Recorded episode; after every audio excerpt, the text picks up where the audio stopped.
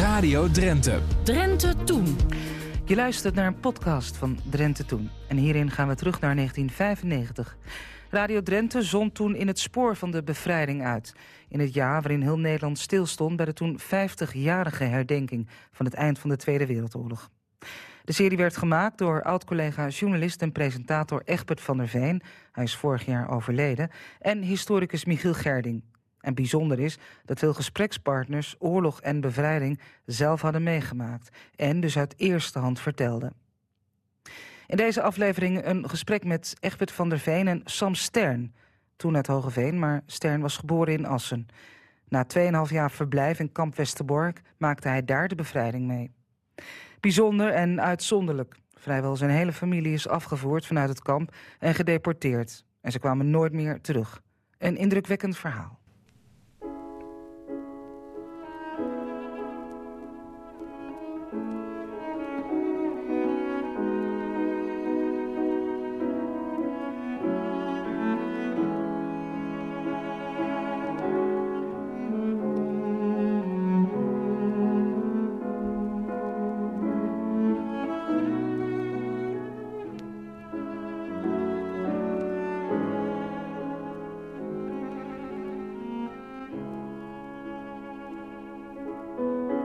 Sam Stern was ruim 20 jaar toen de oorlog begon.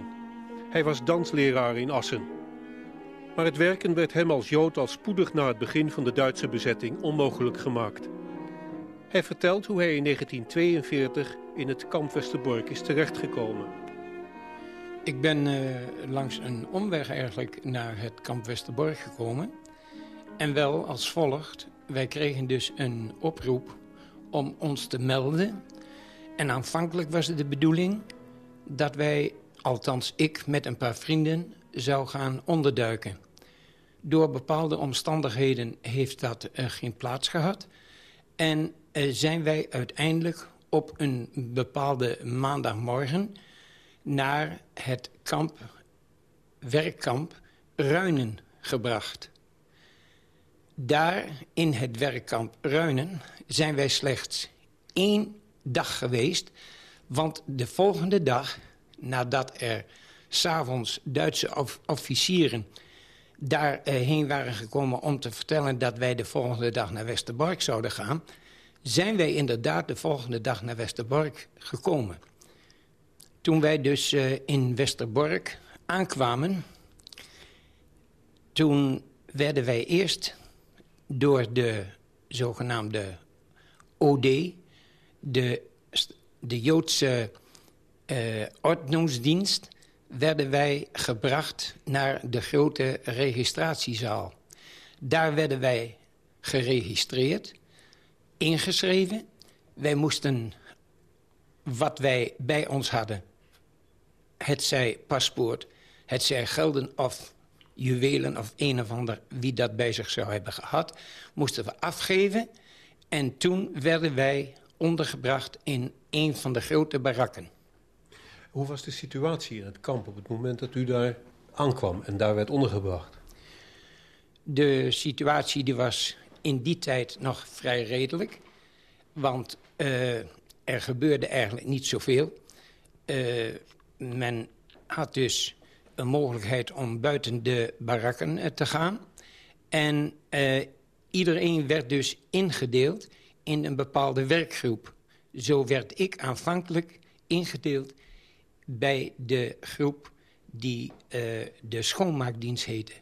Wij moesten daar huisjes, de barakken, voor zover er waren de latrines. Verstaat u wel, er waren geen wc's, maar latrines. Die moesten wij schoonmaken.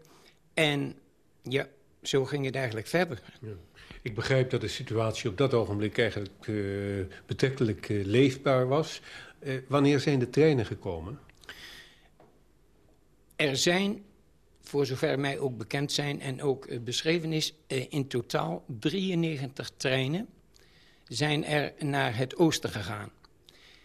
Zelf ben ik op 18 augustus 1942 in het kamp aangekomen. En als ik het schatten moet dan denk ik dat ik plusminus vijf treinen niet heb meegemaakt. De rest dus wel.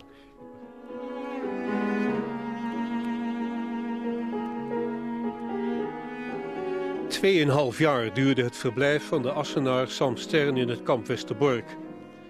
Hij zag met de treinen niet alleen de duizenden Joden van elders vertrekken.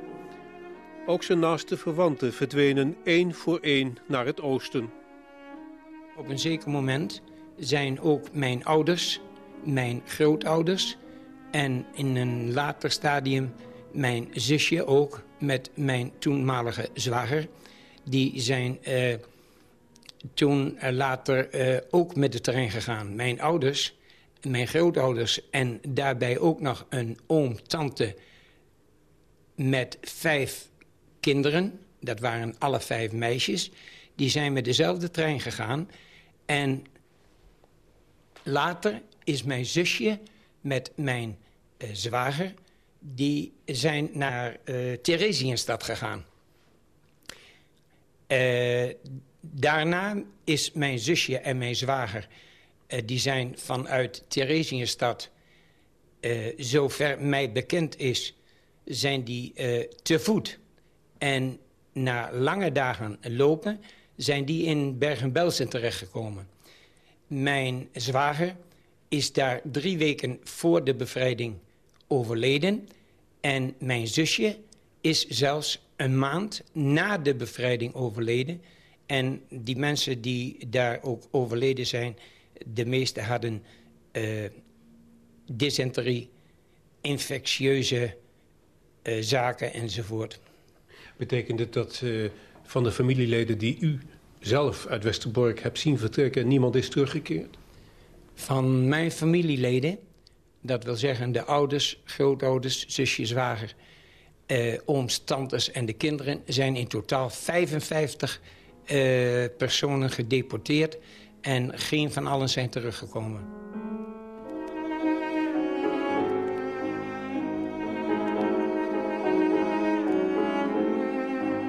Maandenlang vertrok iedere dinsdag een trein uit het kamp.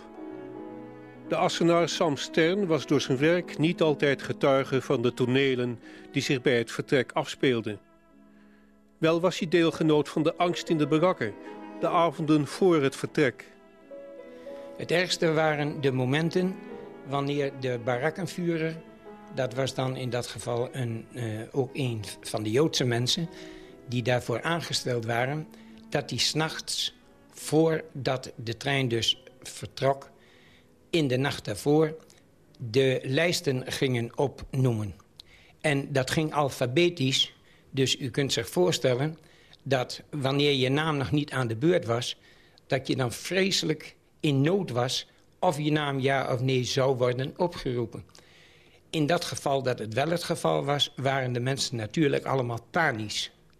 En dat is ook met, de met het oproepen van die treinen een heel uh, vreselijke zaak geweest. Hoe hebt u het zelf overleefd? Doordat wij dus uh, in Assen hebben gewoond... hebben wij in de tijd dat de Duitse Joden... Uh, daar in Westerbork legaal of illegaal waren gekomen... hebben wij met deze mensen toch op de een of andere manier contact gehad. Doordat ze bij ons thuis kwamen, hebben wij bepaalde mensen leren kennen. En daarbij was onder meer de vrouw van de, het hoofd van de medische dienst, dokter Spanier. En deze vrouw die ging met een destijds eh, niet-Joodse zuster... die toen aangesteld was, naar Assen. Want deze vrouw was totaal overspannen. Ook al door de situatie natuurlijk. En eh, toen ik dus in dat kamp kwam, vanuit het werkkamp Ruinen... toen heb ik dus die halm gegrepen die voor mij een mogelijkheid zou kunnen bieden. En door middel van dokter Spanier ben ik dus te werk gesteld... nadat ik in die schoonmaakdienst had gezeten... ben ik te werk gesteld in het ziekenhuis... Uh, daar heb ik eerst niet het mooiste werk, zelfs het meest smerige werk moeten doen. Maar naderhand ben ik steeds een stapje verder hoger opgekomen. En toen uiteindelijk is het zo ver gekomen dat de dienstleiders vanuit het kamp... dat die bij de uh, kampcommandant, de Duitse kampcommandant moesten komen... om aan te horen dat er, dat was dus in het laatste van de tijd... dat er dus 500 mensen voor de instandhouding van het kamp mochten achterblijven. Toen was het een zaak van wie is daarbij. En ik kan u zeggen, van het ziekenhuis zijn toen vier mannen, of jongens, zijn toen gebleven. En wel één semi-arts, één hoofdbroeder, één instrumentenmaker en ikzelf dan als broeder. En dat is uw geluk geweest? Dat is mijn geluk geweest, inderdaad.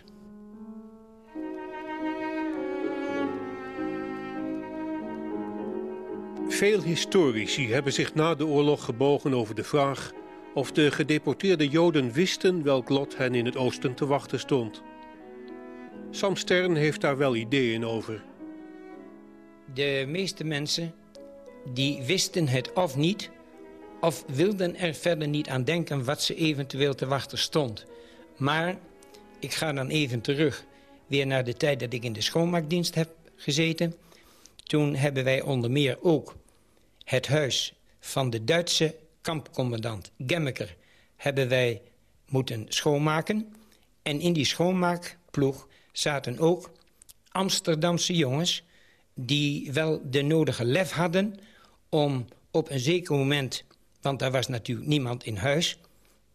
om op een zeker moment de radio aan te zetten. En wat wij toen gehoord hebben, dat was een signaal uit Londen van Radio Oranje...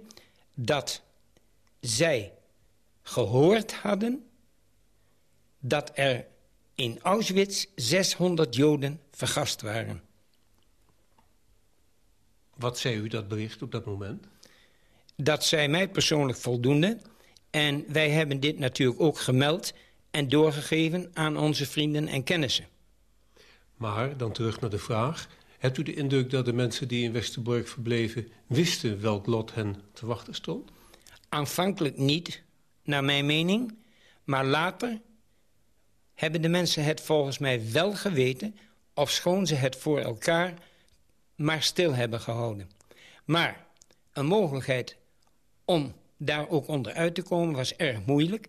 Want om te ontsnappen, dat was al een hele moeilijke zaak op zich. Er was namelijk prikkeldraad rondom het kamp. Er was een tankgracht ook nog. En wanneer je eenmaal buiten zou zijn gekomen... dan waren daar marchichés, ook Nederlandse marchichés... waarvan de meeste allemaal fout zijn geweest... Maar die hebben een opleiding gehad in Schalkhaar. En wanneer je daar naar buiten zou zijn gekomen... dan gingen ze met speurhonden gingen ze je opzoeken... en in de hele buurt daarbuiten stikte het ook nog van de NSB'ers. Kortom, u zegt de mensen die in Westerbork verbleven... kunnen hebben geweten wat hen te wachten stond. Ik denk dat naar gelang de tijd verder en verder liep... dat de mensen steeds meer in de gaten hebben gehad... dat wanneer ze eenmaal naar het oosten afgevoerd zouden worden... dat ze niet weer terug zouden komen.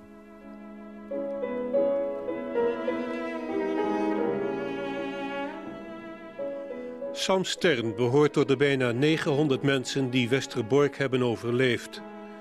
Zo maakt hij ook de bevrijding van het kamp mee. Toen de bevrijding dus in zicht was vernamen wij in het kamp dat de Canadese troepen, aangevuld met een contingent van de Polen... dat die richting het kamp naderden. Maar dan moesten zij nog eerst het Oranjekanaal over... en dan zouden zij dus richting kamp kunnen gaan. Op dat moment, toen het zover was dat wij hoorden dat ze over het Oranjekanaal waren en dus richting het kamp gingen... toen ben ik boven op de garage geklommen... en ik heb de tanks vanaf het Oranjekanaal zien binnenkomen. En ik kan u vertellen wat er toen door mij heen ging. Ik heb staan huilen als een kind. Was u zich bewust dat het uh, einde daar was? Op dat moment, toen dus de Canadezen... en dus een gedeeltelijke compagnie van de Polen ook binnenkwamen... toen hadden wij het gevoel, inderdaad... nu zijn we eindelijk bevrijd. Maar die stelling dat wij dachten dat we bevrijd waren... dat ging nog niet zo gemakkelijk. Want wij hadden inmiddels gehoord dat de Duitsers... dat wil zeggen dus de SS, dat die gezegd hadden... denk maar niet dat jullie er levend afkomen... want of we schieten jullie allemaal dood... of we steken het kamp in de brand. En toen is het volgende gebeurd. Op de voorlaatste dag van de bevrijding... zijn de commandant met zijn gevolg allemaal gevlucht. Toen meenden wij dat we dus bevrijd waren. De vlaggen werden hier en daar weggehaald. Waar die vandaan kwamen, weet ik niet. Maar wat er toen gebeurde, dat was heel angstig. Want het is namelijk de volgende, de volgende dag... toen zijn die Duitsers, die SS'ers, zijn teruggekomen. En toen hebben wij gedacht, nou gaat het nog mis. Maar gelukkig is het zover niet gekomen. De tweede dag zijn ze vertrokken en toen voorgoed. Tweeënhalf jaar hebt u uh, verbleven in het kamp Westerbork. U bent nu 75, bijna 76 jaar. Denkt u nog vaak aan die tijd? Ik ben daar altijd mee bezig. Het is namelijk zo, dit is zo gegrift in iemands leven... dat daar kun je nooit meer los van komen. Er zijn ook wel mensen die dit naast zich neer hebben gelegd of kunnen leggen. Maar ik persoonlijk denk daar toch anders over. Ik heb een zinsnede ooit gebruikt en die wil ik herhalen. Wie niet lichamelijk vermoord is, die is geestelijk vermoord.